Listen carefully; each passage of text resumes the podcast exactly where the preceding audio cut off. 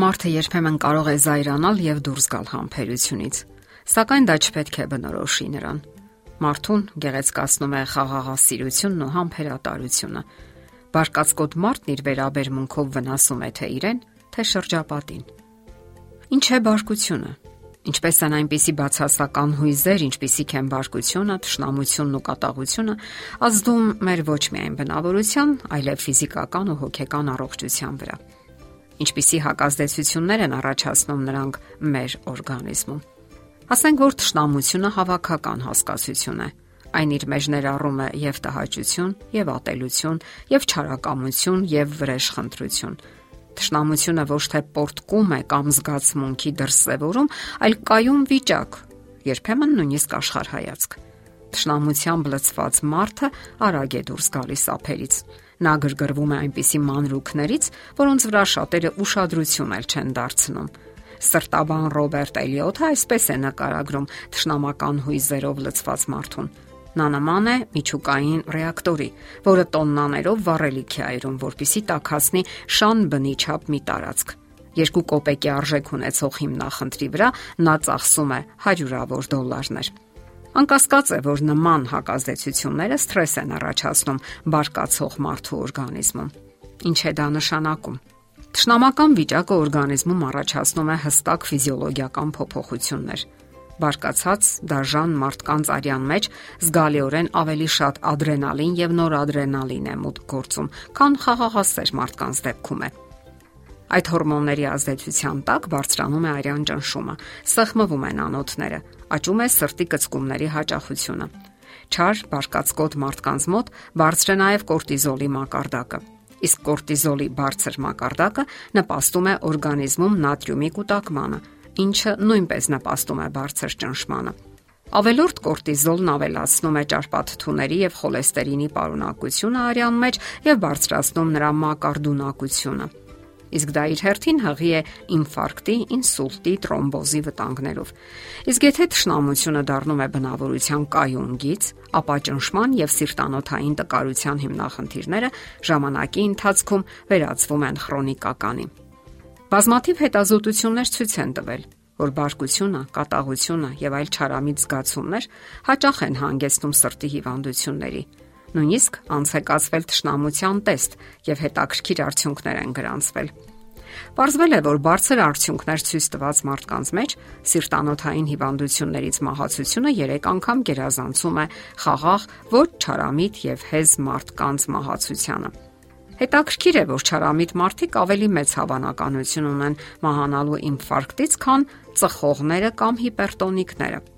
Եվ արժե որ թերապևտներն ու սրտաբանները հետազոտեն իրենց այցելուներին բարկության առումով եւ ուղարկեն հոգեբույժի մոտ բուժման։ Եթե մարդը չի ցանկանում ազատագրվել, բուժվել արդեն արմատացած քարացած բարկությունից, ապա դա կարող է հանգեցնել վաղաժամ մահվան։ Հետազոտություններ են կատարվել ուսանող իրավաբանների մոտ եւ 25 տարվա դիտումները ցույց են տվել, որ բարձր չարամտությամբ օժտված անznավորությունները մահացել են 4 անգամ ավելի հաճախ, քան հետազոտության մնացած մասնակիցները։ Ասենք որ բարկությունը քայքայում է ոչ միայն ֆիզիկական, այլև հոգեվոր առողջությունը։ Դեռևս հազարավոր տարիներ առաջ այդ մասին զգուշացվել է Աստվածաշնչում։ Ըստ Աստվածաշնչի, մեղքերը, անդադար բարկությունը, թշնամությունը, նախանձը կարծրացնում են մարդու սիրտը։ Հետաքրքիր է, որ ավելի վաղ գրված այս հորդորները այսօր հաստատվում են դասական բժշկության կողմից։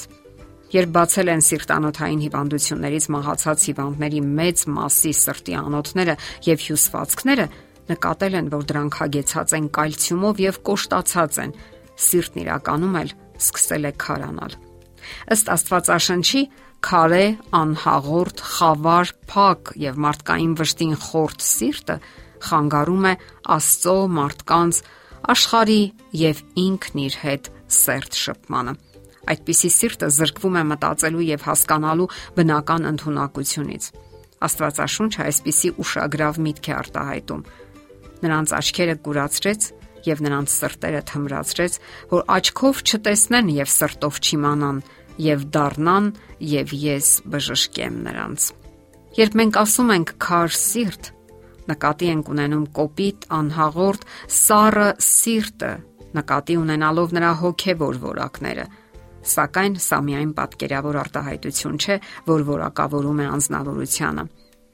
Այն շատ որոշակիորեն նշանակում է այդ սրտի ֆիզիկական վիճակը, որը լրջորեն ախտահարված է աթերոսկլերոզով։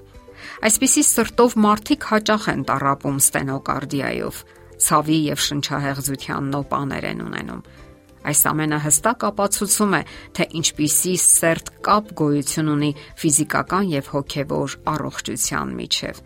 Միայն այսօր է գիտությունը բացահայտում եւ ապացուցում այդ նուրբ եւ բարդ ներքին փոխհարաբերությունները։ Հուզական եւ հոգեվոր տարապանքները ախտահարում են մարդու ֆիզիկական մարմինը։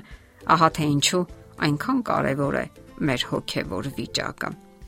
Աստվածաշնչում բազմաթիվ մտքեր կան բարկության վերաբերյալ, որոնք ասույթի ուժ ունեն։ Ինչ չափով հնարավոր է ձեզ համար բոլոր մարդկանց հետ խաղաղություն պահեցեք։ Թույլ մի տուր, որ չարը հաղթի քեզ, այլ բարիով հաղթիր չարին, թե բարկանաք, մեղք մի գործեք,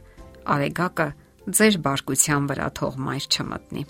Իսկ միգուցե ժպիտն ու ուրախությունն են պակասում մեզ, որ ունենանք խաղաղ ու բարի սիրտ, այլ ոչ թե տրվենք բարկությանը։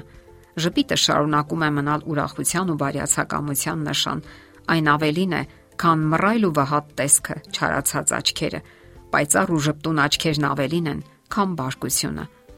Դե ինչ, փորձենք կարգավորել մեր զգացմունքները զսպենք մեր բացասական հույզերն ու դրսևորումները եւ հիրավի հրաշալի առողջություն կունենանք։ Եթերում առողջ ապրելակերպ հաղորդաշարներ։ Ձեզ հետ է Գեղեցիկ Մարտիրոսյանը։ Հարցերի եւ առաջարկությունների համար զանգահարել 033 87 87 87 հեռախոսահամարով։